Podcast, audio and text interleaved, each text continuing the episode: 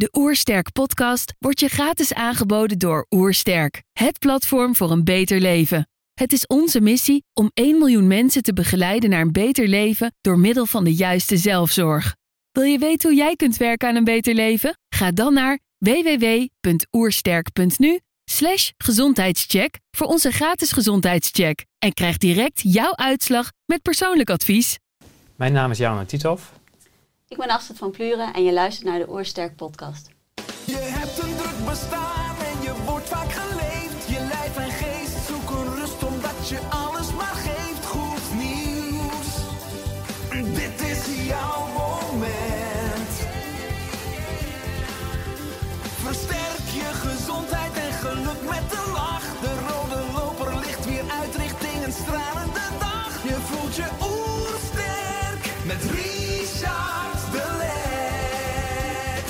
zijn hier in Heemskerk voor een podcast met Astrid van Pluren en Jarno Tiethoff.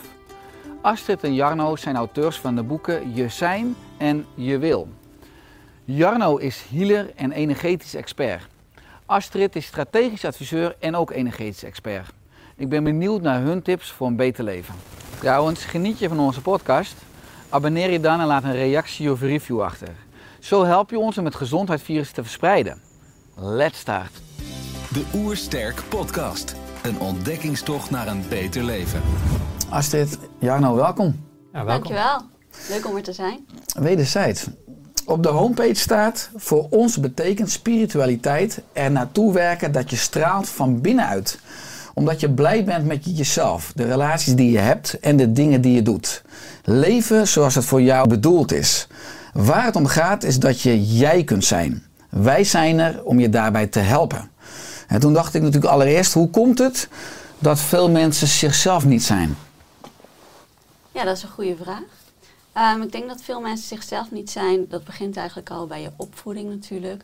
Ehm, bij de manier hoe de maatschappij is. Ehm, eigenlijk word je gewoon door allerlei facetten gevormd in je leven. En ja, in de westerse wereld leven we toch wel in een maatschappij waarbij je wat verder van je eigen natuur af komt te staan. Eh, waarvoor vaak wordt gestreefd naar meer materialistische zaken en een andere vorm van rijkdom dan het rijkdom van het leven, om het zo maar even te zeggen. En ik denk dat dat een grote invloed is. Mhm. Ja, want jullie zijn auteur van twee boeken. Ze staan hier op het tafeltje voor de kijker. Eh, het eerste boek is Je Zijn.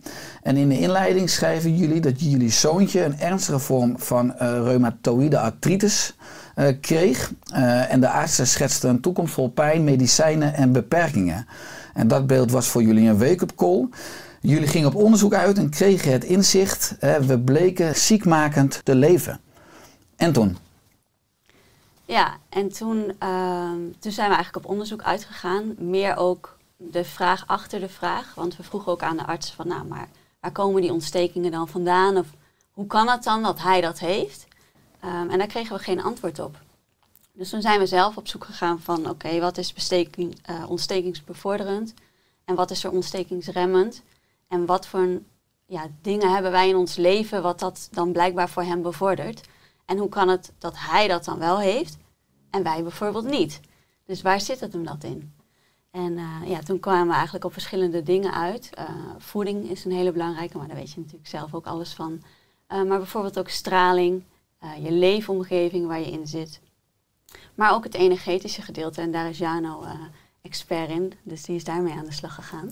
Ja, Jarno, maar als ik die brug maak hè, naar het energetische deel in het boek, eh, beschrijven jullie ook de koppeling tussen energie, eh, de chakra's, het aura, het energieveld en zelf ook de verbinding met het immuunsysteem. Eh, nou, de afgelopen jaren kwamen veel mensen natuurlijk in de problemen door een zwak immuunsysteem. Welke les hebben we misschien vanuit energetisch perspectief gemist? Of hoe kunnen we gewoon in de basis beter zorg dragen voor ons nou, energetisch systeem? We zijn natuurlijk ook energetische wezens. Ja, maar de meeste mensen zijn dan niet eens bewust van dat ze energetische wezens zijn. Dus dat is eigenlijk al stap één. Want op het moment dat je een deel van jezelf ontkent eigenlijk, hè, dan eh, houd je er ook geen rekening mee. Dus ook geen rekening met jou als persoon. En in andere woorden is het vaak voor mensen slecht luisteren naar hun lichaam. Ehm, maar dan gaat het eh, lichaam uiteindelijk tegenstribbelen, waardoor je ziek wordt. Maar niet alle ziekmakers komen in essentie eigenlijk eh, voort omdat je lichaam ziek is, maar dat het andere lichamen in jou, die je ook hebt, eh, ja, een probleem hebben. Bijvoorbeeld bij ons zoontje Marijn was dat het geval. Dat had te maken met de oudere levens eh, van hem. Waarin hij ehm, eh, ervoor gekozen heeft eh, dat hij alle energie van anderen ging verwerken. En een dermate hoge dosis eigenlijk dat het gewoon veel te veel is. Eh, Dus daar heb ik aan gewerkt om dat te herstellen. Dus dat is maar één eh, facet van het geheel. Hè. Dus je hebt ook alle andere zaken nodig die Astrid uitgezocht heeft. Maar op het moment dat je dat, die oorzaak niet weghaalt, dan kun je het wel verminderen, maar niet echt oplossen. Ja, dus je zegt eigenlijk, er was een onbalans in een ander lichaam dan het fysieke lichaam. Ja, klopt. Je hebt eh, meerdere lichamen. Dat hebben we in het boek omschreven in fysiek. Gewoon, en fysiek bedoel ik dat je het eigenlijk kunt voelen, in welke vorm dat ook. Eh, sommige mensen hebben pijn, maar die hebben dat niet een eh, fysieke pijn. Dat je bij een arts komt van ja, we kunnen het niet vinden, maar we snappen wel dat je pijn he- hebt. Nou, dat heeft dus mee te maken dat het vaak in een ander lichaam zit. En die pijnen zijn voelbaar. Dus we hebben een subtiel fysiek lichaam hebben omschreven. Dat zijn eigenlijk je chakra's. Uh, mensen hebben bijvoorbeeld een bepaalde keelpijn of op het moment dat ze ergens geweest zijn, terwijl ze niet een griep hebben. En dan heeft het ermee te maken dat je chakra overstuur is. Die zijn wel degelijk voelbaar. Uh, daarnaast heb je een energielichaam. Nou, dat kun je wel herkennen op het moment dat je misschien wel in slaap uh, bijna wakker wordt, dat je het gevoel hebt dat je naar beneden valt. En dat heeft ermee te maken dat je energielichaam op het moment dat je gaat slapen boven je gaat uh, zweven om op te laden. En op het moment, je gaat zelf in een astraal lichaam. En op het moment dat je eigenlijk met je astraal lichaam te snel in je lichaam komt en dan het energielichaam terugzakt, dan krijg je dat gevoel van naar beneden vallen. Uh, dus dat zijn allemaal uh, fysiek voelbare lichamen. En daarna heb je de geest, en dan gaat het over de mentaal lichaam, emotioneel lichaam en metafysisch lichaam. En daarboven ja, zit je spirit eigenlijk, hè? de spiritueel lichaam en het kausaal lichaam. En het kausaal lichaam is het lichaam van oorzaak en gevolg. En dat is eigenlijk uh, het lichaam waar je je levenslessen schrijft en um, ja, waar vaak een probleem uh, zit in de vorm van hoe je het oplost. Je kunt uh, levenslessen leren vanuit vreugde, maar ook vanuit pijn. En de meesten hebben het laatste. Omdat we in het leven vrij zijn om te kiezen. Ja. Ja, ja want veel mensen weten niet wat ze willen, of ook niet waarom ze hier zijn, hè, als je dan die brug maakt. Jullie beschrijven ook in het boek dat ieder mens een unieke programmering en levensdoel heeft. Dus, dus is dat zo? Ja, klopt. Je levensles schrijf je twee jaar voordat je geboren wordt eigenlijk. Ja, ik denk dat veel mensen die luisteren of kijken denken... ja, nou, ik ben er nog niet helemaal achter wat, wat, uh, waarom ik hier ben. Hè? Dat is natuurlijk een, ook een levensvraag. Is dat die, een uh, noodzaak dan, dat je het erachter komt? Waarschijnlijk een retorische vraag. Ja, ik weet dat heel veel mensen natuurlijk wel een vraag... De vraag der vragen, misschien de vraag onder vragen... waarom mensen wel blijven zoeken van... Uh, is dit een uh, tijdelijke show uh, van wakker worden tot doodgaan? Of, of wat mag ik toevoegen aan het grotere geheel? We hebben als mensen denk ik allemaal een universele behoefte om te groeien en wat bij te dragen aan het grotere geheel. nou, ik denk dat heel veel mensen bijdragen zonder te zoeken. Door gewoon de dingen te doen die ze willen doen en, en te leven. Ik denk ook dat de grotere vraag meer is op welke manier wil ik leven en hoe wil ik mijn leven vormgeven? Die vraag is makkelijker en daar kan je ook uh, beter een invulling aan geven. En dan ben je ook, uh, kom je meer in de flow van oké, okay, maar hoe wil ik eigenlijk leven en hoe wil ik zijn? En wat wil ik uh, vanuit die ingeving bijdragen aan het geheel? In plaats van dat je teruggaat, oké, okay, maar waarom ben ik hier? Oh, dat, dan wordt het al meteen heel ingewikkeld. Mm -hmm. Terwijl dat hoeft helemaal niet. Ja, dus de vraag van uh, wat is de zin van het leven, ook als je die stelt vanuit de optiek van de ziel, dat je zou kunnen kiezen voor vreugde, maar ook voor pijn, mm. is dan misschien ja, niet zo interessant of is, is het te concreet of is het te lastig om te beantwoorden? Als je die... Nou, het is meer van op wat voor manier wil ik leven en wat zijn voor mij de dingen die ik wil bijdragen en op welke manier uh, kom ik in de vreugde en de straling van mijn eigen leven. Want dan, als ik dat heb, kan ik dat ook uitstralen naar anderen. Maar als je die vraag stelt, kun je natuurlijk het antwoord krijgen vanuit je, vanuit je ego, maar ook vanuit je ziel. Dus hoe, hoe, hoe voel je dan misschien het onderscheid? Um, op het moment dat je hem uh, materialistisch gaat invullen of concreet gaat invullen, dan is het meer vanuit je gedachten. Dat je het vanuit je gedachten probeert vorm te geven. Maar daarmee blokkeer je eigenlijk wel een heleboel. Mm-hmm. Dus op het moment dat je een laag dieper gaat, dat staat ook in het boek beschreven, meer met essentiële intenties en het puur hebt over eigenlijk ervaring en hoe je wilt zijn, um, ja, dan kom je in een diepere laag terecht. En dan doet de vorm daar eigenlijk veel minder toe. Mhm. Uh, want dan zijn het meer de kaders die je uitzet uh, en waarbinnen het universum, om het zo maar even te zeggen, de oplossing kan aandragen. Ja, mooi, want uh, het moderne leven voelt voor heel veel mensen nou, onzield, hè, omdat veel mensen zich alleen maar richten op dus die externe werkelijkheid, op geld, op macht, op spullen. Ja. Je geeft aan, er is ook juist echt een, een diepere laag. Hè. In het boek staan ook fantastische oefeningen. Uh, wat zou een eerste stap of een eerste vraag of een eerste oefening kunnen zijn voor mensen om af te dalen naar die diepere laag? Uh, nou, sowieso begint het al bij in je eigen lichaam komen, goed gronden, uh, bij je focuspunt, dus echt in je zijn. En vanuit daar eens voelen hoe je überhaupt in het leven staat. Ik denk dat dat de eerste stap is voor mensen die nog helemaal uh, hier niet mee bezig zijn. Ja, en dan gaandeweg kun je steeds wat verder.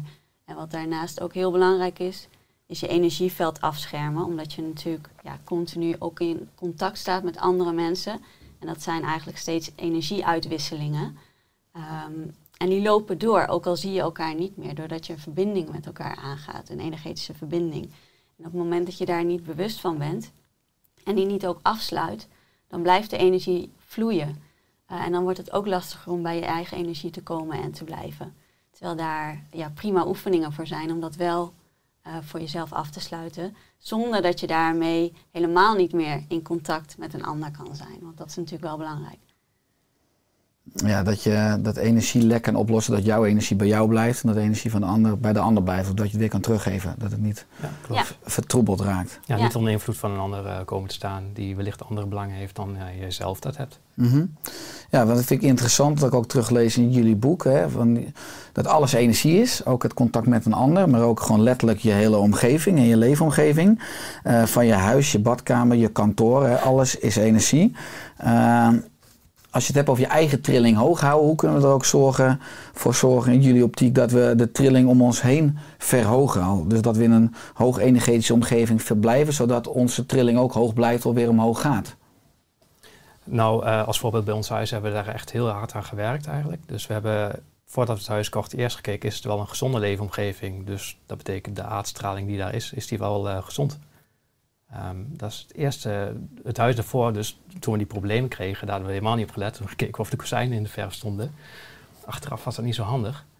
Um, maar dat hebben we bij dit huis uh, compleet anders aangepakt. Dus eerst kijken, is het überhaupt een gezonde leefomgeving? Want de plek daar waar je woont, dat heeft direct invloed op wie je bent. Uh, heel simpelweg kleigronden hebben een andere vorm van trilling dan, dan de zandgrond. En dat heeft dus al invloed op hoe je hoe je, dag uh, ja, doorvoelt. Uh, dus ook op je gedrag. Uh, vervolgens kun je kijken hoe is mijn huis gebouwd. Is het echt uh, met een bult zagrijn in elkaar gezet? Of hebben mensen met liefde aan het huis gewerkt? Dat is een andere vorm van energie waarin je dan omgeeft. En dat klinkt misschien gek, maar je laat dus altijd een spoor van energie achter. Hè? Dus het is hetzelfde moment dat je een geurtje op doet en iemand fietst voorbij, dan kun je later nog het geurtje ruiken. Maar het is precies hetzelfde met energie. Overal waar je komt, laat je een spoor van energie achter. Dus ook de mensen dus die aan je huis bouwen enzovoort. En uh, op het moment dat het niet helemaal uh, fijn of fris is, kun je dat wel transformeren hoor. Uh, en daarnaast hebben we ook heel veel gewerkt aan de, aan de tuin, door een energetische tuin aan te leggen. Want we willen niet de hele dag bezig zijn met gezondheid of met moeilijke dingen. Dus dan kun je maar beter zorgen dat je op een hele fijne plek woont. En ja, dat scheelt al een heleboel. ook heel veel verwarring en moeilijkheden in je leven. En dat is toch wel iets wat mensen zich beter kunnen realiseren erin.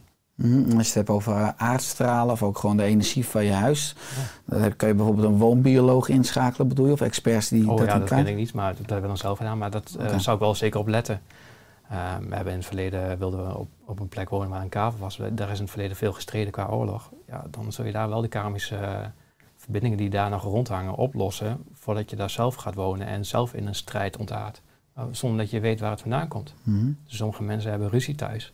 Gewoon puur omdat de energie in het huis uh, uh, niet goed is. Ja, dus als je een kavel kan bouwen, een mooi vrij stuk land. En er zijn in het verleden er heel veel slagvelden op geweest. Ja. En heel veel uh, soldaten zijn er gestorven. En je woont in een fantastisch huis en je hebt een mooie tuin. Maar je denkt, waarom is er altijd conflict? Ja. Waarom, wat, ik weet niet wat er aan de hand is, maar ik kom thuis, ook, ook op vakantie. We liggen continu met elkaar. Dat kan het dus. Die, die, nou, die oude energie die dus op die Ja, plek rust, die, die kan je Je gedrag beïnvloeden. beïnvloeden. Ja, en op het Ja. moment dat je je niet goed afschermt. hè, Nou, het mooiste is dat je het oplost. Hè. Maar op het moment dat je dat eh, niet zelf kunt, dan dan is het al wel fijn dat je wel je eigen energie kunt afschermen. Dat je niet de hele dag er last van hebt. En eigenlijk ruzies loopt te maken die niet je eigen ruzies zijn. Ja, en, en, en hoe of wie kan het oplossen? Omdat ik denk genoeg mensen nu luisteren of kijken en denken... ja, oké, mijn energie op mijn plek is misschien ook uit balans... maar hè, we zoeken vaak buiten ons. Hoe, hoe kan ik dat dan in balans brengen? Ehm, ja, dan kun je zelf wat trainen. Kijk, we geven normaal gesproken ook cursussen waarin je dat soort dingen kunt leren. Maar veel mensen hebben niet in de gaten dat ze veel kunnen. Mhm. Dus ik denk niet zozeer dat je dat bij een ander moet zoeken, want het is ook helemaal niet fijn als je continu naar een ander moet gaan. Maar op het Mhm. moment dat je het zelf eigen maakt, ehm, Ja, is dus dat die, eigenlijk helemaal niet zo moeilijk. die eigen wijsheid weer aanboren. Ja. Ja, dat zie ik op jullie, in jullie boeken, dat zie ik op de website. Er staan heel veel oefeningen. Op de website staan ook meditaties en healings. Onder andere ook eentje om spanning los te laten. Ja. Daarbij staat, spanning is energie die je vasthoudt. Ontladen is essentieel om je te ontdoen van overbodige energie en balans te komen en te blijven. Eh, nu is er in de maatschappij natuurlijk steeds meer chronische stress. Eh, hoe kunnen we als mens en maatschappij in jullie optiek ook beter ontladen en ontladen blijven? Nou ja, dat heeft dus wel deels te maken met eh, dichter bij je natuur komen. eh, leven vanuit wie je bent eigenlijk en waar je voor staat. En ehm, meer vanuit je eigen idealen en de, je eigen kijk op de wereld. En daar gaat het natuurlijk best wel vaak mis. We, hebben, eh, we worden opgevoed met, oh je moet dat doen, je moet zoveel werken. Eh, er zijn allerlei patronen waar iedereen zo woeps in meegaat. Eh, zonder nog even stil te staan en te kijken van, hé, maar is dit eigenlijk wel wat ik wil? En vaak is het ook gedreven vanuit een soort angst. Angst om zekerheid kwijt te raken of angst voor het onbekende. Maar één ding weet je zeker, op het moment dat je zelf niet verandert, dan verandert het ook niet. Dus dan blijft het hoe het is. En eh, op het moment dat jij dingen doet ehm, die eigenlijk heel ver van je afstaan, van je natuur afstaan en van wie je eigenlijk daadwerkelijk bent of wilt zijn, eh, dan wordt het ook steeds lastiger om dat vol te houden, want dan ben je jezelf niet. En dat kost ontzettend veel energie. En daarmee drijf je eigenlijk juist steeds verder af van wat je, van wat je wil en hoe je in het leven wil staan. Mhm. Dus heel veel mensen kiezen voor zekerheid en veiligheid, ook omdat we zo door misschien de maatschappij geconditioneerd worden. Mm. Eh, we zijn natuurlijk ook sociale dieren die graag in de groep behouden willen blijven. En nou is die invloed van die omgeving heel erg groot. Ook wat jullie zeggen van de projecties van anderen, die letterlijk aan je kunnen blijven kleven. Nou, jullie Ja. hadden het net al een beetje over je spiritueel afschermen, je eigen energie zuiveren bij, je, bij jezelf houden. Maar als mensen nou ook lijden onder die projecties van anderen, eh, hoe kun je jezelf dan, ja, dat heet voor mij dan bij jullie neutraliseren, hoe kun je dan weer meer in balans komen of weer vrijer worden? Of je daarvan ontdoen? Nou ja, wat je in ieder geval eh, kan doen, dat staat ook beschreven, is eh, een energetische douche nemen. Eh, en dat kan eigenlijk met alle aarde-elementen, dus met water of door de wind, zeg maar. En dan gewoon ook daadwerkelijk de ervaringen van de dag van je af laten spoelen of laten, laten gaan.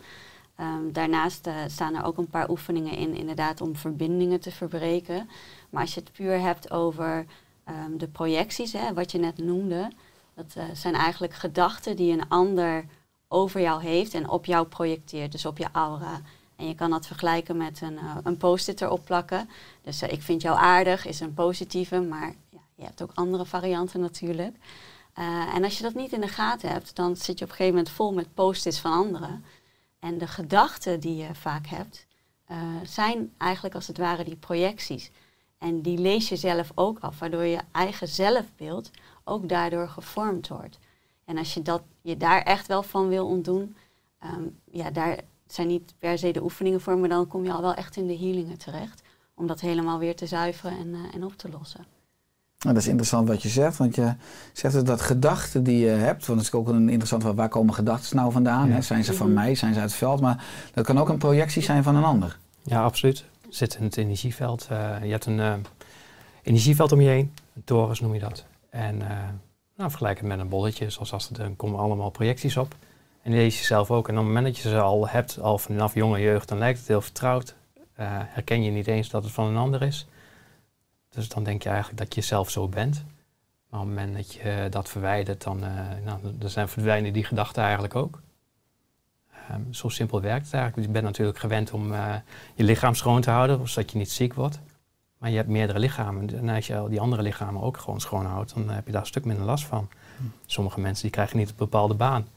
eh, omdat ze een bepaalde projectie op zich hebben, dat ze niks kunnen. Dat, een vader die continu eh, heeft, je kan niks, je kan niks, je kan niks. Dat hij zo vol zit en, je, en vervolgens kijkt de volgende, die kijkt niet naar de persoon, maar die, die leest eh, eigenlijk de gedachten in dat energieveld. Eh, en eigenlijk al direct oordeelt, oh die kan niks. Eh, en dan al een afwijzing eh, hebt. En dat is natuurlijk niet nodig. En eh, ja, wanneer herken je dat, dat het wel eh, verdwijnt? Op het moment dat je een stuk gaat lopen, dan waait letterlijk alles uit je energieveld. Sommige mensen noemen het gronden, maar eigenlijk is het een soort van reiniging van je energieveld. Ehm, waardoor dat afneemt. Dus het is noodzaak om dat ook gewoon bij te houden. En soms heb je een beetje hulp nodig, maar doorgaans als je gewoon een schoon energieveld hebt, dan is eh puur reiniging ook nodig. En dat is eh, voldoende. Dus het is sowieso ook, al, ook extra goed vanuit deze optiek om regelmatig de natuur in te gaan en lekker te wandelen. En Ja, eh, ook niet bang te zijn voor storm dus buiten, om weer eventjes eh, door Nee, te waaien, juist schoon te waaien. ja klopt. Ja. Eh, interessant is, als ik naar jou luister en je hebt het over eh, eh, nou ja, eh, het astrale lichaam en, en het mentale, het emotionele, ook het fysieke, maar dat is natuurlijk eigenlijk kennis, of ik zou het eerder ook wijsheid willen benoemen, die we, wat we ook een beetje verloren eh, lijken te zijn. Hè. We Mhm. baseren alles een beetje op het niveau van de zintuigen, wat we kunnen zien, het vlees en bloed. Eh, deze wijsheid hè, die je beschrijft, ook hier, maar ook in jullie boeken, is dat iets wat je bent gaan aanboren of gaan ontdekken na dus de diagnose van jullie Nee, zoontje, wat je daarvoor dat, ook... Dat eh, deel kon ik al wel eigenlijk. Ehm, dus ik zet het ook altijd wel in voor ons als gezin. Ik heb maar als kind merkte je al van, hé, ik ben anders dan een andere... Nou, ik denk dat iedereen wel uniek is, maar eh, het lukt me wel heel goed om mensen te doorzien. Eh is soms ook wel een last, dus ik kan heel goed zien wie je werkelijk bent. Maar je hebt er altijd filters om je heen. Dus dan, eh, en die filters zijn nodig ehm, om bepaalde dingen te leren. Sommige filters zijn dus overbodig, die je wel direct weg kunt halen. Maar sommige filters zijn echt no- ook nodig om je ontwikkeling door te maken. Dus ik had vroeger wel eens moeite mee om, ik kon wel zien wie die is, maar ook hoe die werkelijk, iemand kan mooi zijn, iedereen is mooi verbinden overigens. Maar dat wil niet zeggen dat hij zich zo gedraagt. Dus daar had ik vroeger op zich wel eh, moeite mee, maar daar ehm, heb ik redelijk snel... anders voordoen, bedoel je? Dat, is, dat prikt je ja, je gedrag, ja, Ja. precies. Ehm, dus ik had wel moeite mee dat ik eh, vroeger, nou, volgens mij moet je dit en dit doen. En waar die zelf zo van schrok van eh, wegwezen. Dus daar heb ik ook moeten leren om meer in te houden. Niet overal gratis consulten weg. Ja, als dat mensen zelf... Nee, het zit niet op te wachten. Nee. Dus die moeten zelf ontdekken hun Mhm. levenslessen. Maar ik heb ook heel vroeg eh, in mijn leven ook iemand ontmoet die eh, goed ontwikkeld was op dit gebied en me heel veel techniek heeft eh, bijgebracht. En dat is natuurlijk een voordeel. Dus ik heb het altijd wel in mijn leven ingezet. Eh, hiervoor heb ik een sportadviesbureau gehad. Ehm, in mijn werk paste ik het altijd toe. Dat je mensen laat samenwerken, eh, dat kan natuurlijk heel prima. Even de karmische verbinding met elkaar oplossen, waardoor je een prettig gesprek hebt en waardoor het wel constructief gewerkt kan worden. Dat kan allemaal natuurlijk. Ja, dat je een vitale fundering hebt al van de Ja. ontmoeting. Ja. Nou, het mooie is, vind ik ook aan jou, Jarno, maar ook aan jou, Astrid, dat jullie zijn eigenwijs. Of jullie volgen je eigen wijsheid. Ik zeg ook al mijn hele leven, ik ben eigenwijs. Eh, ik lees ook terug dat jullie het belangrijk vinden dat je eigenwijs bent. En daarover zeg ik jullie, hè, met eigen wijsheid bedoelen wij de wijsheid die op een dieper level in jezelf zit. Weten hoe je energetisch in elkaar zit, hoe je signalen en hints van je gidsen herkent en welke metafysische spirituele wetten je in welke situatie kunt inzetten. Dan heb je het hier over de hints van je gidsen herkennen. Eh, heeft iedere mens gidsen? Ja. En hoe maak je hier contact mee? Of dat doe je waarschijnlijk automatisch al zonder dat je het in de gaten hebt? Ja, allereerst noem ik altijd van om jezelf te leren eh, herkennen, moet je herkennen wie je niet bent. Eh, dat is al punt één. Nou ja, gidsen in het leven, dat is soms voor eh, mensen moeilijk te begrijpen, maar naar je eigen ouders kijkt, dat zijn ook gidsen voor je. Eh, nou, de ene ouder eh, doet het wat beter dan de ander, dus je hebt wat betere gidsen en wat mindere gidsen. Ehm, en dat zijn, dus de eerste lijn gids zijn ook vaak de mensen die overleden zijn, die dicht in het astrale om je heen staan. En dan moet je ook bijvoorbeeld denken aan ongeboren kinderen. Eh, niet elk kind wil eh, het leven doormaken, maar wel die verbindenis maken in het fysieke deel. Waardoor ze beter bij je kunnen zijn als gids. Eh dat zit ook vaak heel veel verwarring op, of bij veel mensen. Ehm, dus dat is al eerste lijn gidsen. Daarnaast heb je gidsen, en dan praat je eigenlijk over, we, zijn menselijke wezens. Hebt wezens die al eh, het menselijk leven eigenlijk al volbracht hebben en ehm, andere mensen erin begeleiden. En dat heeft iedereen. En vervolgens kun je nog verder doorgaan naar eh, hogere wezens. Ehm, maar wellicht wordt het al eh, te ingewikkeld, maar er zijn er heel veel. Maar is er vanuit dit perspectief dan ook geen dood? Hè? We hebben natuurlijk in onze fysieke werkelijkheid kan het lichaam doodgaan en daar nemen we afscheid van. Ja, het is een voertuig, hè, een middel om hier te komen. Om in deze dimensie eh, te zijn, heb je een eh, lichaam nodig. Ja, dus dan worden we, wo- worden we weer energie of we worden weer, weer een gids. Kunnen we dan misschien weer worden voor andere mensen als we, als we overlijden?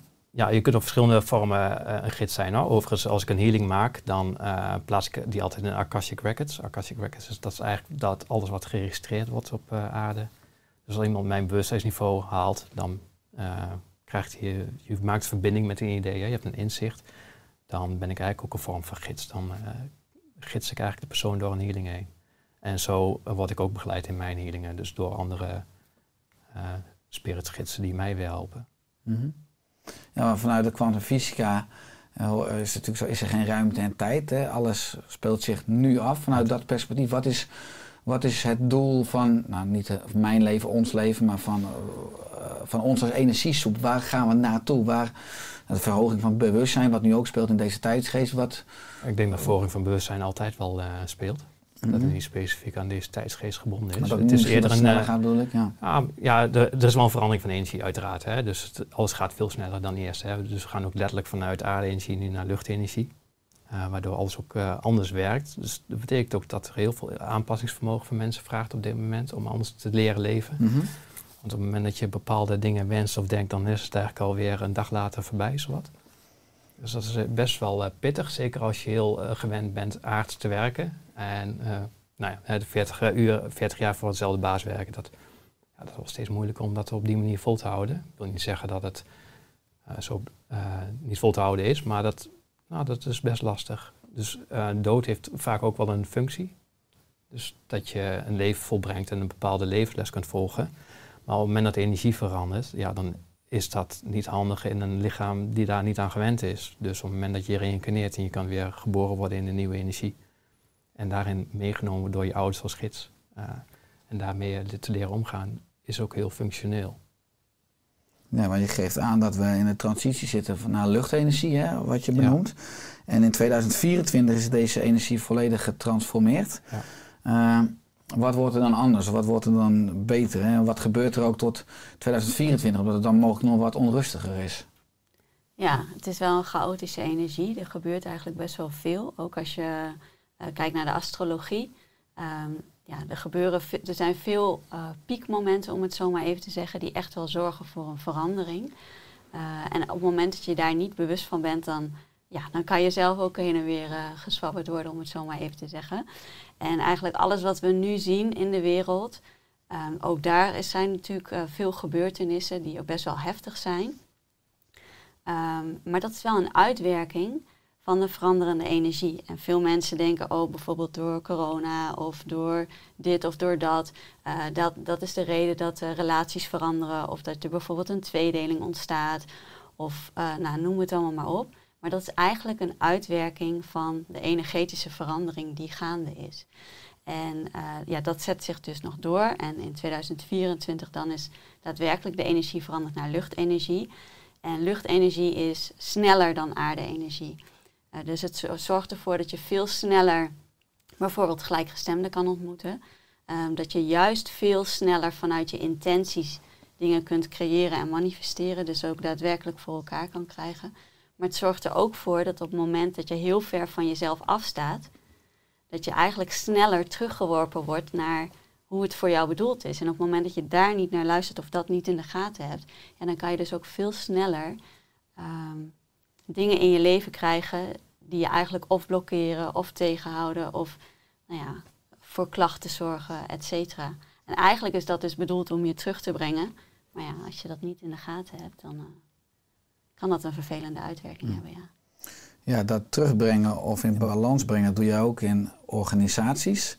Uh, je hebt veel ervaring met het leiden en begeleiden van verandertrajecten, wat ik zeg bij grote organisaties. Uh, wat speelt er vaak binnen organisaties qua thema's die je tegenkomt en wat levert zo'n traject op? Nou ja, wat ik uh, vaak zag is dat uh, dan heeft een organisatie een missie en een visie uh, en dus een bepaalde wens om iets te realiseren. En dan vervolgens, als je dan kijkt naar het gedrag van de organisatie, eh, dus de, eh, de processen, maar bijvoorbeeld ook eh, de professionaliteit van de mensen die het moeten doen, eh, de tooling waar ze mee werken, dat dat helemaal niet aansluit met waar ze naartoe Dus je kan wel zeggen dat je iets wil, maar vervolgens zul je ook in je gedrag aanpassingen moeten doen om daar daadwerkelijk te komen. En daar hielp ik ze eigenlijk altijd bij. Eh, en dat deed ik ook energetisch, zorgde ik ook voor de juiste setting. Alleen, dat, daar hadden we het niet over, dus dat vertelde ik niet. Dat vond ik ook ondergeschikt. Maar dat draagt wel degelijk bij aan de verandering. Maar ik kan me voorstellen dat dat leidt tot bijvoorbeeld meer werkplezier of betere productiviteit of minder ziekteverzuim. Ik bedoel, alles hangt natuurlijk in een bedrijf ook met elkaar samen. Dat je daar een bedrijf meer impact kan maken op de missie. Ja, wat ik eigenlijk met name deed, eh, zat meer in digitale dienstverlening. Ehm, dus zorgen dat eh, mensen zowel prettiger kunnen werken, maar ook effectiever daarin kunnen werken. Eh, ook beter inzicht hadden in de resultaten, zodat je daar beter op kan gaan sturen. En aan de andere kant, eh, degene die er gebruik van maakt, dat die ook een plezierigere ervaring heeft en gemakkelijker de weg erin kan vinden. Dus ik zat wel met name op dat vlak, maar goed, digitalisering is natuurlijk een, een belangrijk aspect tegenwoordig. Eh, maar daar kan je degelijk veel veranderingen in aanbrengen, ja. ja. Maar net wat ik zeg, eh, vaak ga, als je kijkt, kijk je dus van oké, wat zijn de visie en de missie? Maar dat geldt ook bij mensen, hè, van nou, wat, waar zit nou je kern? Eh, ja, je zei het al, waarom ben ik hier op aarde? Maar hoe wil jij eigenlijk leven en wat zou jouw ideaal zijn?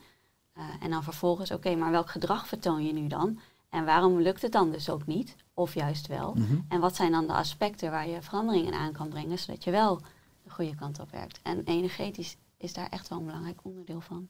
Ja, als we daarop inzoomen, dan maak ik een bruggetje naar jullie tweede boek, jullie nieuwe boek, Je Wil. Mhm. In dit boekje gaan jullie in op 42 metafysische wetten en krachten. En in de inleiding staat, wat je bereikt of wat jou overkomt, roep je grotendeels over jezelf af. Hoe kunnen we beter creëren en manifesteren vanuit die 42 metafysische wetten en krachten? Nou, het begint eigenlijk al met je ervan bewust zijn dat het er überhaupt is. Ehm, en ook eh, bewust zijn dus inderdaad van de gedachten. We hadden het daar al eerder over. Je hebt bepaalde gedachten en met je gedachten eh, activeer je dus bepaalde wetten. Terwijl je dat vaak helemaal niet in de gaten hebt. En heel veel gedachten ook niet van jezelf zijn.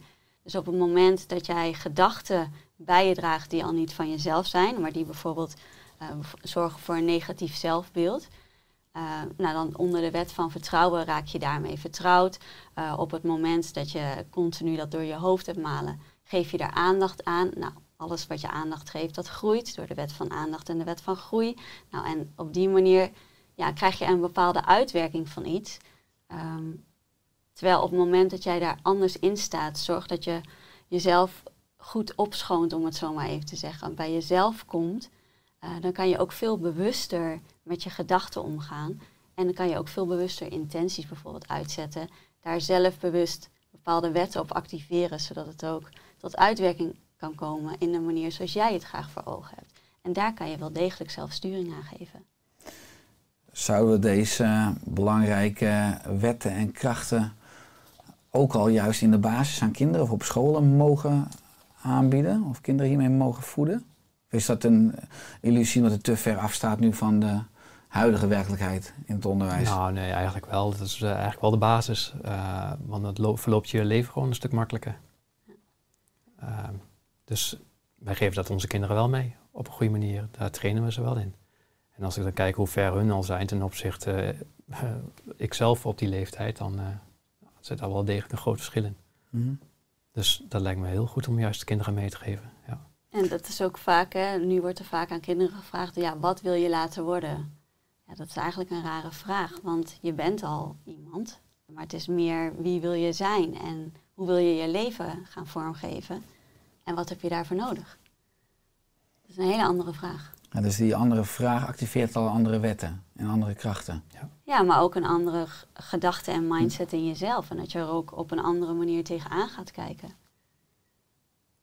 Je hoeft niet voor alles te werken, hè? dus uh, je, de, je, moet de, de, wetten voor je laten werken. En dat wordt vaak niet geleerd. Ja, nou daarop aansluit. Ik was een keer uh, het voorwoord in mijn derde boek Oerstuk Leven is geschreven door professor Paul de Bloo. was toen 92 jaar en gaf les op Nijrode, business en spiritualiteit. Hij leeft inmiddels niet meer. Voor maar lesgegeven tot 94, 95 jaar. Maar die had één centrale quote in zijn werkkamer aan de muur. Ik kan het beste niet kiezen, het beste kiest mij. Ja, Ja. helemaal, hij heeft helemaal gelijk in. Ja, dus maar heel veel mensen zijn aan het strukkelen, zijn aan het hè, eh, controle, zijn aan het woekeren. Terwijl de andere kant is dus overgave, vertrouwen, juiste afstelling hebben en, en dat het universum je draagt. Of, Ja. ja, ik vergelijk het altijd met eh, verschillende typen van leidinggevenden. Eh, je hebt leidinggevenden die heel erg op de details zitten, helemaal micromanagen en alles maar willen sturen en noem het maar op. En je hebt ook leidinggevenden die geven gewoon duidelijk de kaders aan. Eh, hier moet de oplossing aan voldoen en eh, doe je best. En dat is eigenlijk ook hoe je in je leven staat. Op welke manier geef je leiding aan je leven en op welke manier geef je leiding aan ja, je hulptroepen, om het zo maar even te zeggen. Eh, die zijn er om je te helpen, maar geef je ze ook de ruimte om je te helpen. Dat is eigenlijk wel wat het is. en hoe kunnen we die hulptroepen meer ruimte geven? Nou, wat ik zeg, door wat dieper in de intenties te gaan, niet de materialistische focus te hebben, maar echt van nou, hoe wil ik in het leven staan en wat is voor mij een aangenaam leven en een prettig leven. En op die manier de kaders daarvoor te zetten. En dan komt de oplossing, die komt wel. En durf daar ook op te vertrouwen. Mhm. Op dat op het moment dat je dat daadwerkelijk voor jezelf goed uitzet en je activeert daar wetten bij en je zet de, de energetische setting goed, dat het dan ook voor je gaat werken. Ja. Daarbij eh, is geduld een eh, belangrijke rol eh, vaak. We zijn te ongeduldig. Je moet, eh, net als met een plant die moet groeien, ja, dat, eh, van een zaadje wordt uiteindelijk wel een mooie bloem, maar het heeft wel tijd nodig om die mooie bloem te zijn. Mhm. Dus dat heeft ook eh, tijd nodig. Dus je kunt wel de intentie, ik wil een mooie bloem, maar dat, als het een zaadje is, dat niet. Mhm. Ja, de, als ik je aanrader, ook je nieuwe boek, Je Wil. als mijn oudste zoon Noah, tenminste als ik af en toe met hem aan het sparren ben en er gebeurt wat of er gaat bij mij iets mis, zegt hij altijd, haha, dat is karma. ik zag van de week een interview met eh, Deepak Chopra met Michael Pilacek. Die had het over dharma. Nou, die twee eh, Ja. begrippen kom ik ook terug eh, in jullie boek. Wat is de wet van karma en dharma? Nou ja, de wet van karma en dharma, dat is eigenlijk de dingen die je tegenkomt in je leven om, om op te lossen. Ehm, ja, je hebt gewoon bepaalde karmische verbintenissen. En ehm, ja, eigenlijk kom je die continu tegen met als doel om het op te lossen, zodat je van daaruit weer verder kan groeien. Ehm, maar op het moment dat je het niet oplost of er niks mee doet, ja, dan blijft het keer op keer terugkomen in de vorm van een levensles. En de natuur is wat dat betreft wel hard. Dus ja, naarmate het vaker terugkomt, wordt meestal de situatie waarin het terugkomt, wordt heftiger, om het zo maar even te zeggen. En daarnaast kan je kiezen uit op welke manier wil ik leven. Wil ik meer leven vanuit dharma, dus vanuit geven, eh, rijkdom voor iedereen, eh, respect en eerlijkheid naar elkaar toe en eh, oprechtheid. Of denk ik vooral aan mezelf en vind ik het prima om in dit leven allemaal karma op te bouwen, maar wil ik gewoon rijkdom en de rest zoek het uit. Daar, daar, heb je een keuze in, daar zit verschil in. Leef je ten koste van een ander, hè, om er zelf beter van te worden of niet? En vaak denken mensen daar ook daar helemaal niet eens over na. Maar dat zijn wel dingen eh, voor jezelf om, om daar keuzes in te maken en daar bewuster misschien mee om te gaan. Mhm. Hoe, hoe kijk jij daar tegenaan? Heb je daar ooit over nagedacht voor jezelf? Ja, daar ben ik wel heel veel mee bezig, ja.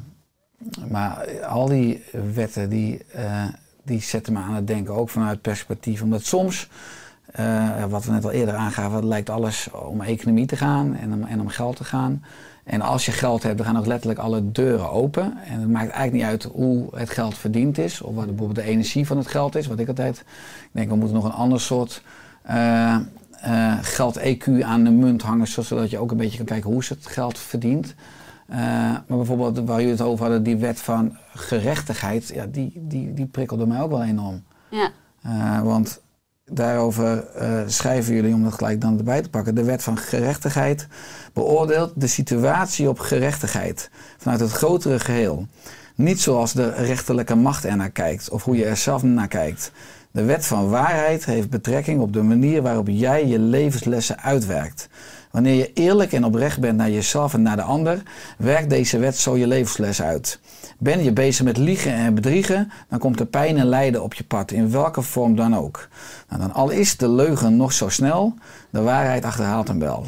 Niets voor niets hebben veel rijke mensen welvaartsproblemen. En wat bedoelen jullie hier precies mee? Nou ja, het, eh, wat we eigenlijk ook aangeven, hè, op het moment dat je eh, rijkdom vergaart ten koste van een ander. Kijk, energie gaat nooit verloren. Dus wat je eigenlijk aan een ander geeft, komt in welke vorm dan ook weer bij je terug. Dat heeft te maken met de wet van behoud en de wet van circulatie, maar ook met de wet van geven en de wet van vermeerdering. Dus het zijn allemaal wetten die op elkaar werken. Ehm, dus wat je geeft, krijg je in wat voor vorm dan ook weer bij jezelf terug. Dus als jij narigheid geeft, is de kans redelijk groot dat je ook weer narigheid terugkrijgt. Uh, en dat kan in een andere vorm zijn. Het wil niet zeggen dat je het rechtstreeks van die persoon weer terugkrijgt. Het kan in een totaal andere situatie, een totaal andere uitwerking, wel in een vervelend iets op je pad komen. Of in een ander leven. Of in een ander leven, inderdaad. Dat wilde ik nog toevoegen. Het kan in dit leven zijn, maar het kan ook zijn dat je dan vervolgens in het volgend leven moet betalen voor wat je nu hebt uitgesproken. Dus er is altijd balans. ja, dus altijd... in principe is het helemaal niet verkeerd. Hè. Op het moment dat je uh, karmisch wilt leven, is daar niks mis mee. Omdat je dat wilt leren. Het is een keuze, hè. dat hoeft natuurlijk niet. Je hebt mensen die uh, ook niks doen, noem het maar een vakantieleven. Mm -hmm. um, maar daar is wel een vrije keuze in. Mm -hmm. En er is eigenlijk niemand heilig in. Hè. Dus there's no saint without a past and no sinner without a future. Dus dat is wel hoe het werkt. Dus dat, in principe is het oké. Okay als iemand uh, denkt, nou ik ga alles uh, overhoop halen, is dat wel een vrije keuze. Mm -hmm. Alleen, uh, ja, dat, dat is een tijdelijke oplossing. Hè? Dus dat zul je toch wel weer moeten inwisselen. Ja. ja, maar in essentie hebben we denk ik allemaal de behoefte dat we onszelf zijn. Hè? Of dat je jezelf bent. Ja. Jullie zeggen en schrijven daar, daarover. Niet jezelf zijn heeft een remmend effect op je gemoedstoestand, niet op je persoonlijkheid. Je bent wie je bent, ongeacht wat een ander van je denkt. Is het dan ook een kunst om dus ook los te komen van de mening van de ander? Ja. Het maakt mij helemaal niet uit wat een ander van me denkt. Ja. Dat heb ik eigenlijk nooit gehad. Dus die, dat zijn ook projecties kunnen dus niet aan jou kleven? Want je... Oh, die kunnen wel allemaal kleven, maar die haal ik dan weer weg ik merk ook vaak aan andere mensen, als ik bepaalde mensen zie, dan denk ik, oh, dan komt er opeens een gedachte in mij. denk, oh, maar dat is helemaal niet wat ik denk over die persoon. En dan lees ik eigenlijk dat energieveld en dan uh, ligt eraan of het mag, maar dan haal ik dat weg. Dan hoef je er ook geen, uh, er ook geen last meer van. Mm -hmm. Geen last meer van, maar uh, um, ja, het is goed om te realiseren wat je eigen gedachten daarin zijn, zodat je ook niet zelf uh, bepaalde denkbeelden uh, gaat opdringen. Maar in die zin is het dus helemaal niet interessant wat een ander van je denkt. Maar dat, dat, dat kan je denken, maar je, je moet het natuurlijk voelen. En dat, dat voel je. Mm -hmm. Dit, werkt dat voor jou hetzelfde, Astrid? Ben je ook los van de mening van een ander? Uh, in principe wel. Laat ik zo zeggen, ik maak me niet druk om wat een ander ervan denkt of vindt. Het gaat meer om wat vind ik er zelf van en hoe kijk ik er zelf tegenaan. Um, en dat gaat niet alleen over mezelf, maar ook gewoon over uh, onderwerpen of dingen die gezegd worden. Dan denk ik, nou, ik wil me eerst een eigen mening daarover vormen en, daar zelf in verdiepen. Uh, voordat ik me laat beïnvloeden door een ander. Dus ik heb dat eigenlijk ook altijd wel heel sterk gehad. Um, ja, en je kan er ook maar druk mee zijn. Hè? Als je de hele dag moet nadenken over wat een mm -hmm. buurman van je vindt, nou, dan gaat er een hoop energie naartoe. Die kan je ook anders besteden, denk ik dan maar. Voor je eigen groei ja, en ontwikkeling. Ja. ja. En gewoon ook om het leuk te hebben zelf. Ja, om te genieten. Ja. ja, nou dat vind ik ook enorm mooi aan jullie, want het eigenlijk gaat het om bewustzijn versus bewustzijn. En dat uh, lees ik ook op de website. Er staat een heel stuk over bewustzijn, dus weer versus bewustzijn. Uh, dat aankomende jaren de bewustwording, uh, ook wel spirituele ontwaking, alleen maar meer gaat worden. Jullie geven het heeft te maken met de energie op aarde die aan het veranderen is. En daaronder staat volledig bewust zijn binnen je bewustzijn dat is je ideale levenspad. Die moest ik even, even tien keer herlezen. Ja. Dat is, die moet op een badkamertegeltje.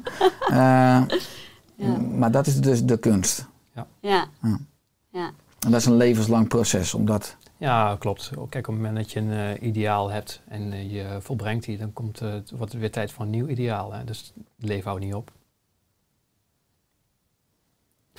En dat bedoel je binnen, binnen dit leven, maar ja, ook, binnen ook dit leven bijvoorbeeld. Hè? karmisch door. Ja. Ja, nou, op het moment dat je, dat is waar je, waar je begint hè, van eh, waarom ben ik hier? Ja, op het moment dat je iets eh, volbracht hebt, wordt het tijd weer voor iets nieuws. Anders wordt het wel een saaie eh, bedoeling.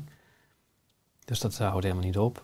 Betekent dat ook dat de mens altijd behoefte heeft aan dan een uitdaging voor zingeving? Dat je weer nou naar Nou iets ja, toe werkt? Of ja, nou in in, jezelf in, is in het gezonde, in buiten? gezonde vormen wel. Maar op het moment dat je heel erg laat afleiden en dergelijke, dan verdwijnt die uitdaging. Maar dan verdwijnt ook de vreugde uit je leven. Kijk, want op het moment dat je jezelf niet bent, dan eh, ben je ook niet gelukkig.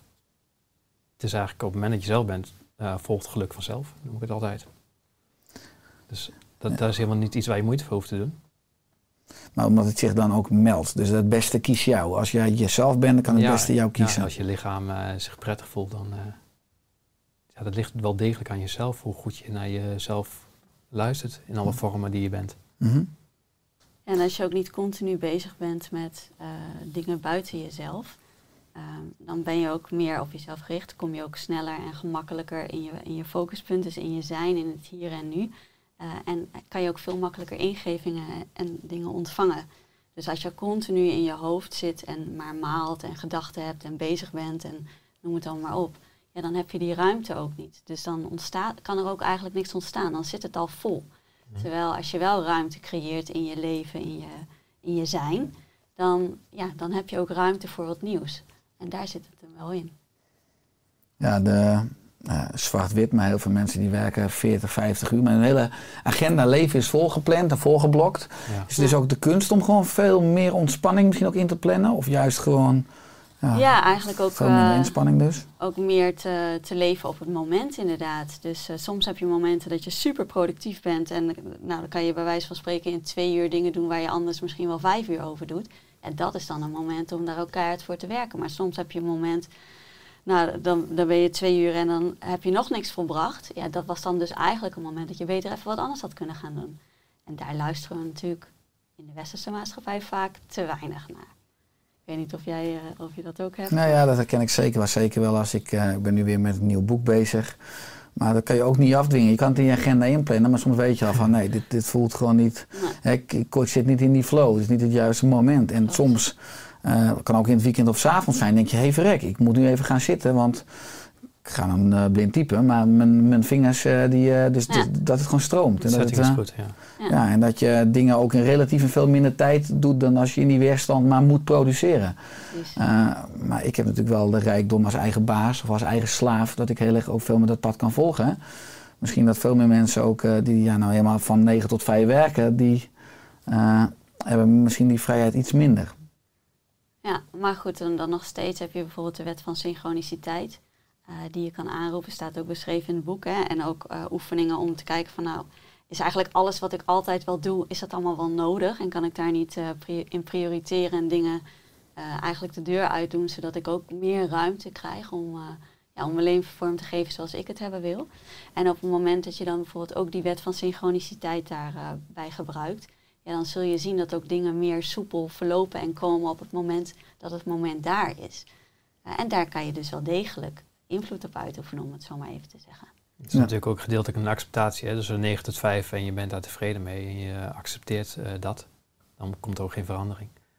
Dus dat heeft het deels ook daarmee te maken. Maar zoals Astrid net eigenlijk zegt, dan kun je op het moment dat het anders in jezelf wordt, dan eh, is het wel de methodiek wat uh, Astrid net benoemde om daar een verandering, of in ieder geval mee te starten om het anders te, te, worden, eh, te laten worden. Mhm. Maar weer dat je dus nooit alleen bent. Hè? Dus ehm, je hebt aan alle kanten heb je begeleiding. Mensen in het leven die je tegenkomt die je willen helpen. Maar ook aan de andere zijde zijn er zoveel mensen die je helpen. Ook dierbaren die overleden zijn. En eh, je zult verbaasd zijn op het moment dat je daarna gaat luisteren hoe snel alles gaat. Vaak krijg je heel veel hulp eh, aangeboden, maar lopen de meesten met een eh, ja, met oogkleppen op er langs op. En dan denk je, ja, waarom lukt mij nooit iets? Ja, omdat je wellicht de cadeautjes niet aanpakt. Dat is toch iets ja, wat je kunt veranderen. Dan heb je het ook weer over die gidsen, Ja. eh, over engelen. Ja, die zorgen eh, dat, dat bepaalde situaties op je pad komen. Stel je hebt een 9 tot 5 baan, maar je wilt er vanaf. Nou, er zijn er wel degelijk mogelijkheden om dat anders te maken. Maar op het moment dat je ze niet ziet of niet wilt zien, ja, dan blijf je eh, daar zelf in. Dat hoeft natuurlijk niet. En dat is soms eng, maar ik noem het altijd het onbekende is niet iets om bang voor te zijn. Het brengt je daar waar je wilt zijn. En ja, vertrouw erop. Ja, dus dan is die weerstand soms ook prettig, omdat weerstand dan een signaal is van hé, hey, verrek, ik, wil, ik verlang naar iets anders, ik wil iets Ja, een, openbreken. een gezonde weerstand. Gezonde weerstand, ja. Ja, wat ik mooi vind is dat eh, jullie ook beschrijven dat als je jezelf bent, dat dan die wetten veel natuurlijker eh, gaan functioneren. En dat, en dat je die voor je kunt gebruiken. Dat we ook als mens continu in wisselwerking staan met de omgeving. Maar ook dat we als mens op de aarde leven. En de aarde zit tussen de zon en de maan. Maar heel veel andere hemellichamen waar jullie ook over schrijven. Eh, want in het boek Je Wil, het nieuwe boek. eh, daarin beschrijven jullie ook de invloed van cycli en ritmes van planeten, waaronder de invloed van Saturnus en Pluto. Was voor mij nieuw. Eh, en dan heb je het over hè, dat de Eerste Wereldoorlog en de Tweede Wereldoorlog en de aanslagen in New York op de Twin Towers, tot ook nu afgelopen de coronacrisis, dat het allemaal geen toeval is. Hè? Hoe zit dat precies? Nou ja, dat heeft eh, wel degelijk, eh, staat de aarde dus onder invloed van de energie van de planeten en wat het uitlokt. En ehm, het is inderdaad zo dat de uitwerking ervan op aarde, dat eh, staat niet vast. Dat had ook een in een andere vorm kunnen zijn, maar die energie die is er wel. Ehm, en nou, ik ben geen astroloog, dus ik zit daar niet dermate diep in dat ik precies kan zeggen van oh, maar je hebt altijd dit soort standen en dan heb je altijd dat. Ehm, maar als je energetisch kijkt, zie je wel van oké, er is een dermate verandering. En dit is het patroon wat er dan vervolgens op aarde gebeurt. En je ziet gewoon dat er grootste dingen gebeuren op het moment dat dat soort standen komen.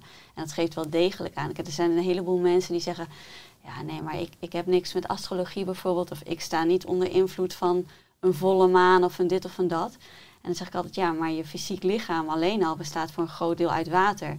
En als je kijkt naar de cyclus van de maan en eb en vloed en dat het oceanen in beweging kan brengen, wat denk je dat er met jou gebeurt? Dus hoezo sta je niet onder invloed? Iedereen staat onder invloed. Eh, alleen heb je het ook in de gaten. En ehm, er, staan inderdaad, er zijn allemaal eh, cycli en ritmes. Ehm, en dat zijn eigenlijk allemaal structuren. En zelf ben je ook een structuur. Eh, en wat ik ook beschrijf, hè, ehm, zijn allemaal energie. En je resoneert met je omgeving, wat ook energie is. En uit eh, samengestelde energie ontstaat weer een nieuw energieveld.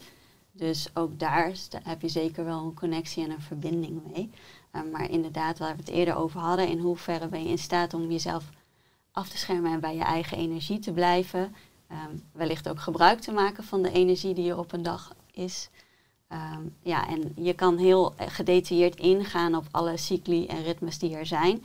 Um, maar dan moet je er weer een soort studie op loslaten. Ik denk dan zelf, nou, ik uh, activeer gewoon de wet van synchroniciteit. En dan laat ik het universum dat voor me regelen. Want die, die overzien dat allemaal veel beter dan ik. Mm -hmm. Dus ja. Uh, ja, het is ook maar net hoe, in hoeverre je daar zelf uh, uh, continu mee bezig wil zijn. Of dat je gewoon denkt van, nou, ik, ik hou me tot, tot de, dingen waarvan ik weet dat ze gewoon redelijk gemakkelijk zijn. En ook snel en effectief werken. Ja, ik vind het leuk wat je dan ook uh, als laatste optie schetst. Dat je het ook gewoon uit, uit het universum kan geven. Maar wat ik wel boeiend vind is dat we als maatschappij gewoon het hele jaar gewoon werken. En, en op maandag, hè, op, op, vrijdagavond, weekend en maandag starten we weer.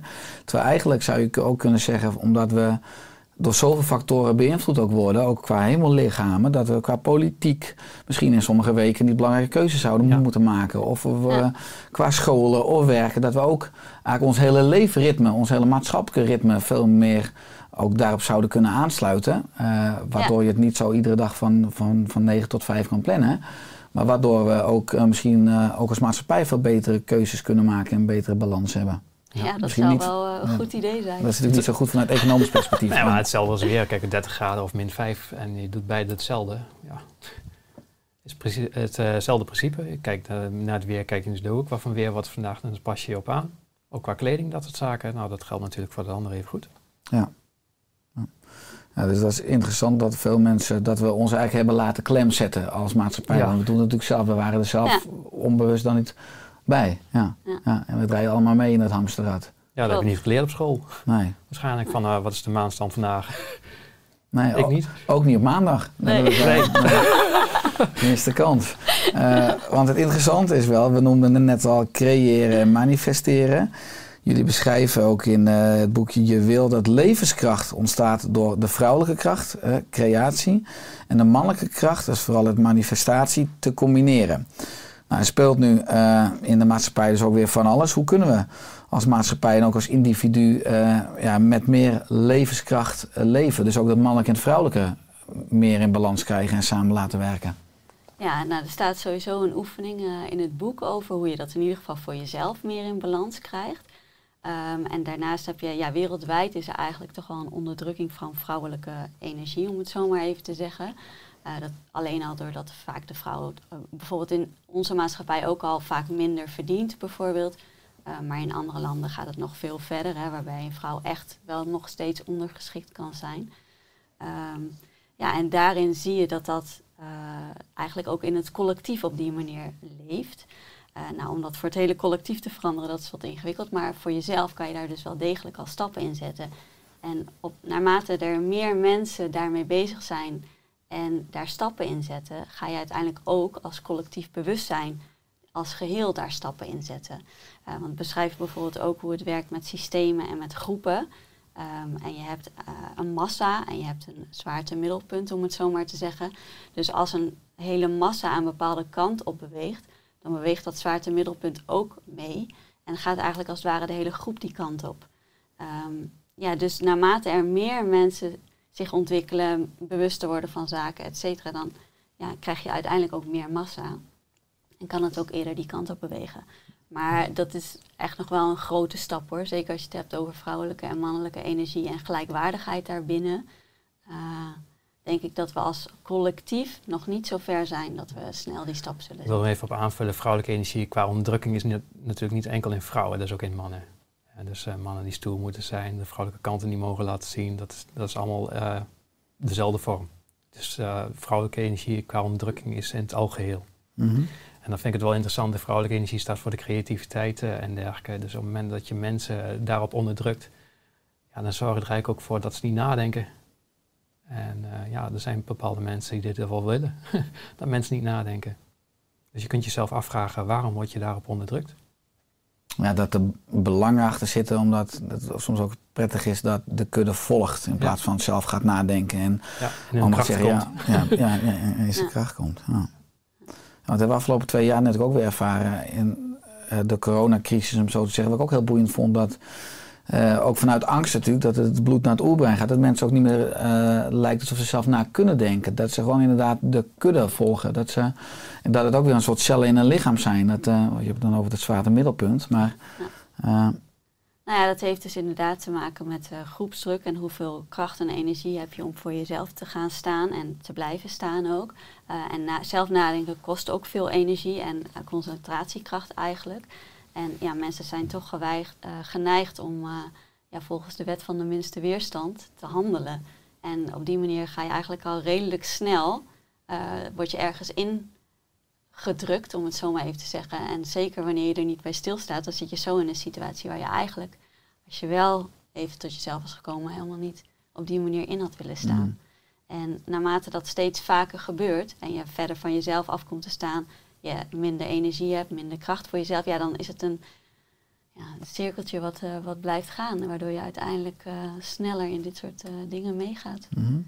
Um, goed, ja, ik, ik denk wel altijd, blijf gewoon voor jezelf, maak heldere keuzes en kijk in ieder geval naar meerdere bronnen, ook als het gaat om informatie en lees je goed in en vorm jezelf een mening. Dat, daar begint het wel en dat is eigenlijk wel met alles wat je verteld wordt.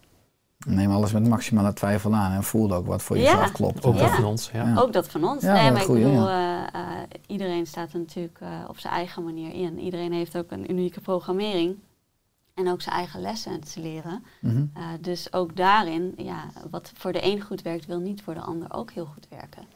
En, Ja. ja. en, en maak, kies gewoon voor jezelf, want uiteindelijk ben jij hier degene die hier leeft. Uh, je bent alleen geboren en je gaat ook alleen weer dood. En natuurlijk zijn er allerlei mensen daartussenin met wie je connecties hebt. Mhm. Um, maar het begint wel bij jezelf. En dat zie je ook bijvoorbeeld als je gaat vliegen. En uh, dan krijg je altijd die uitleg hè, over. En dan zeggen ze ook, ja, zorg eerst voor je eigen zuurstof. En ga dan pas met een ander. En zo werkt het leven ook. Zorg eerst voor je eigen energie. En als je van binnen uitstraalt, dan heb je ook energie om weg te geven. Ja, en als je eerst voor je eigen energie, voor jezelf zorgt. Uh, nou, logisch dan misschien wat jou net aangaf, dat je minder vatbaar bent voor de mening van anderen. Is het andere gevolg ook dat je veel minder oordeelt? Want dat lees ik ook terug in het boekje, van eigenlijk ja, eh, stop met oordelen. Ja. Ah, mening, ehm, dat ik niet vatbaar ben voor mening van anderen, maar dat wil niet zeggen dat ik niet luister. Hè. Dus ik kijk wel degelijk naar anderen, wat ze te vertellen hebben en dergelijke. Maar eh, vaak moet je door de boodschap heen luisteren. Heel veel mensen geven adviezen en dergelijke puur vanuit pijn gerelateerd. Terwijl het wel goed bedoeld is, maar niet echt eh, behulpzaam. Mhm. Dat zijn wel zaken waar je op moet letten inderdaad. Eh, of het echt ook zinvol voor jou is, omdat je een andere persoon bent. Ja, vind ik zo'n mooie boektitel eh, van Jan van Koert. Die heeft zo'n boek met de titel Wat je vindt mag je houden.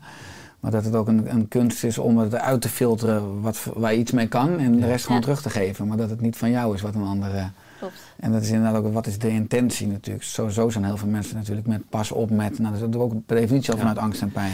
Ja, alleen Ja. met teruggeven, dat is nog wel een dingetje. Hè? Want je bent zelf een persoon, maar soms, eh, nou, als je te veel gedronken hebt, dan eh, doe je dingen die je normaal niet doet. Dus dan vallen de kaders weg. En dat betekent eigenlijk dat er ook iets anders door je heen kan gaan, die normaal niet door je heen kan gaan.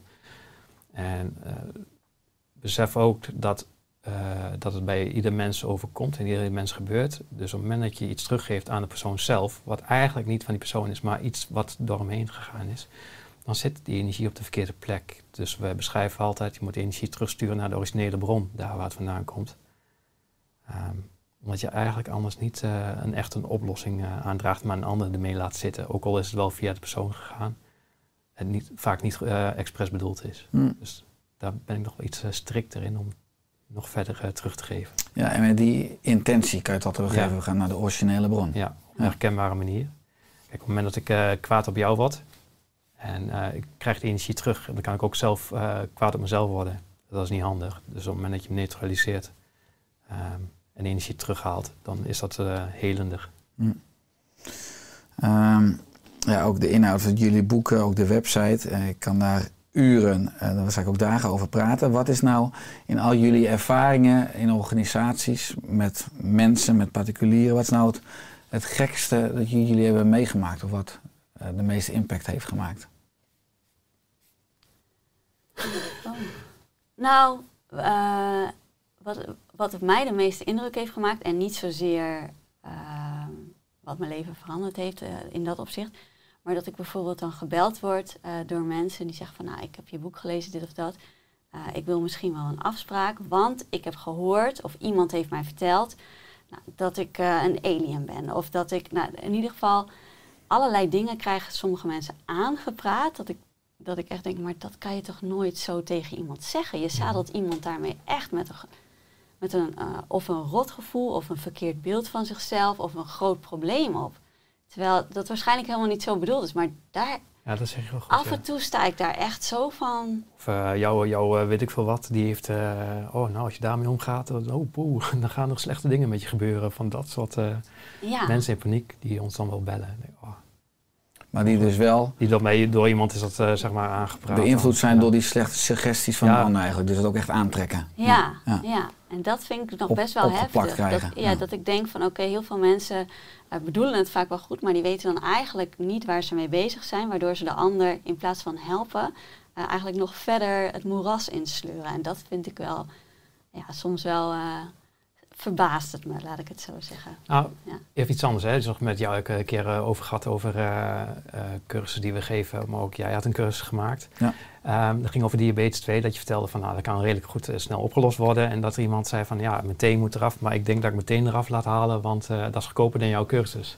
Ja. Nou ja, dat vind ik wel echt eh, bijzonder ook inderdaad. eh, Ja, dat mensen die keuzes maken. Ja. Ja, dat mensen dus, eh, ja, in dit geval was het inderdaad een man met gangreen. Dus dat een puntje van zijn teen helemaal zwart werkt, dus afsterven.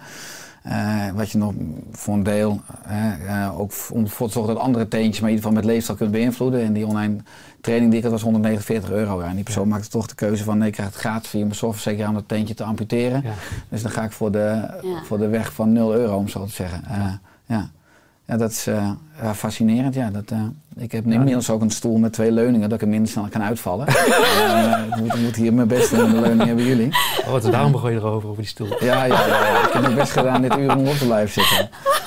Wat is jullie eh, missie of droom voor aankomend jaar, aankomende jaren? Ehm, nou, ik zeg eigenlijk altijd, eh, eh, ik wil gewoon een paradijs op aarde. En op de plek waar we nu wonen is het al een mini-paradijs, in ieder geval voor ons. En eh, mensen ervaren het ook wel zoals ze bij ons komen. Eh, maar ik zou dat wel graag willen uitbouwen. En eh, nou, wellicht ook nog op een andere plek. Dus, eh, Mooi, is een mooie plek in Didam. Ik ben er zelf ook geweest, fantastische tuin. Ja. Wil je nog aanvullen, Janno? Nee, dat eh, geldt voor mij hetzelfde. Eigenlijk zijn we, er, we zijn wel apart, maar daar denken we altijd wel hetzelfde over. Eh, we hebben daar ook een heel simpele intentie in. Van we willen een gezonde omleving- omgeving waar we met z'n allen eh, persoonlijk kunnen groeien. Nou, op het moment, daar koppelen we eigenlijk alles aan. En eh, als daar een verandering aan komt, dan eh, komt dat vanzelf. En daar luisteren we naar. Mooi. Is er aan het einde van de podcast nog iets wat jullie willen toevoegen of aanvullen? Ah, nee, eigenlijk niet. Ik denk dat we wel veel verteld hebben. En eh, nou, in ieder geval, als je iets wil veranderen in je leven, eh, op welk vlak dan ook, alles kan, alles is mogelijk. Eh, je bent vaak zelf degene die, eh, die het weerhoudt en die het stopt en die je eigen blokkade is. Ehm, maar laat dat los en eh, ga genieten. Dat is het eigenlijk. Geniet ook gewoon van het leven. Mhm. Als mensen nou meer informatie willen over jullie, over de boeken, over jullie diensten, waar kunnen mensen dat vinden? Eh, op leadernormallife.com. .com. Ja. Leadnormallife.com. Ja. Aanrader. Eh Jarno Astrid, veel dank voor jullie, komst in de Oerstuk podcast. Ja, ja, leuk dat we er mochten zijn. Eh, en dat we samen nog maar eh, mogen bouwen aan een eh, wereld met eh, veel meer eh, ja, liefde, overgave en in overeenstemming met al die fantastische wetten.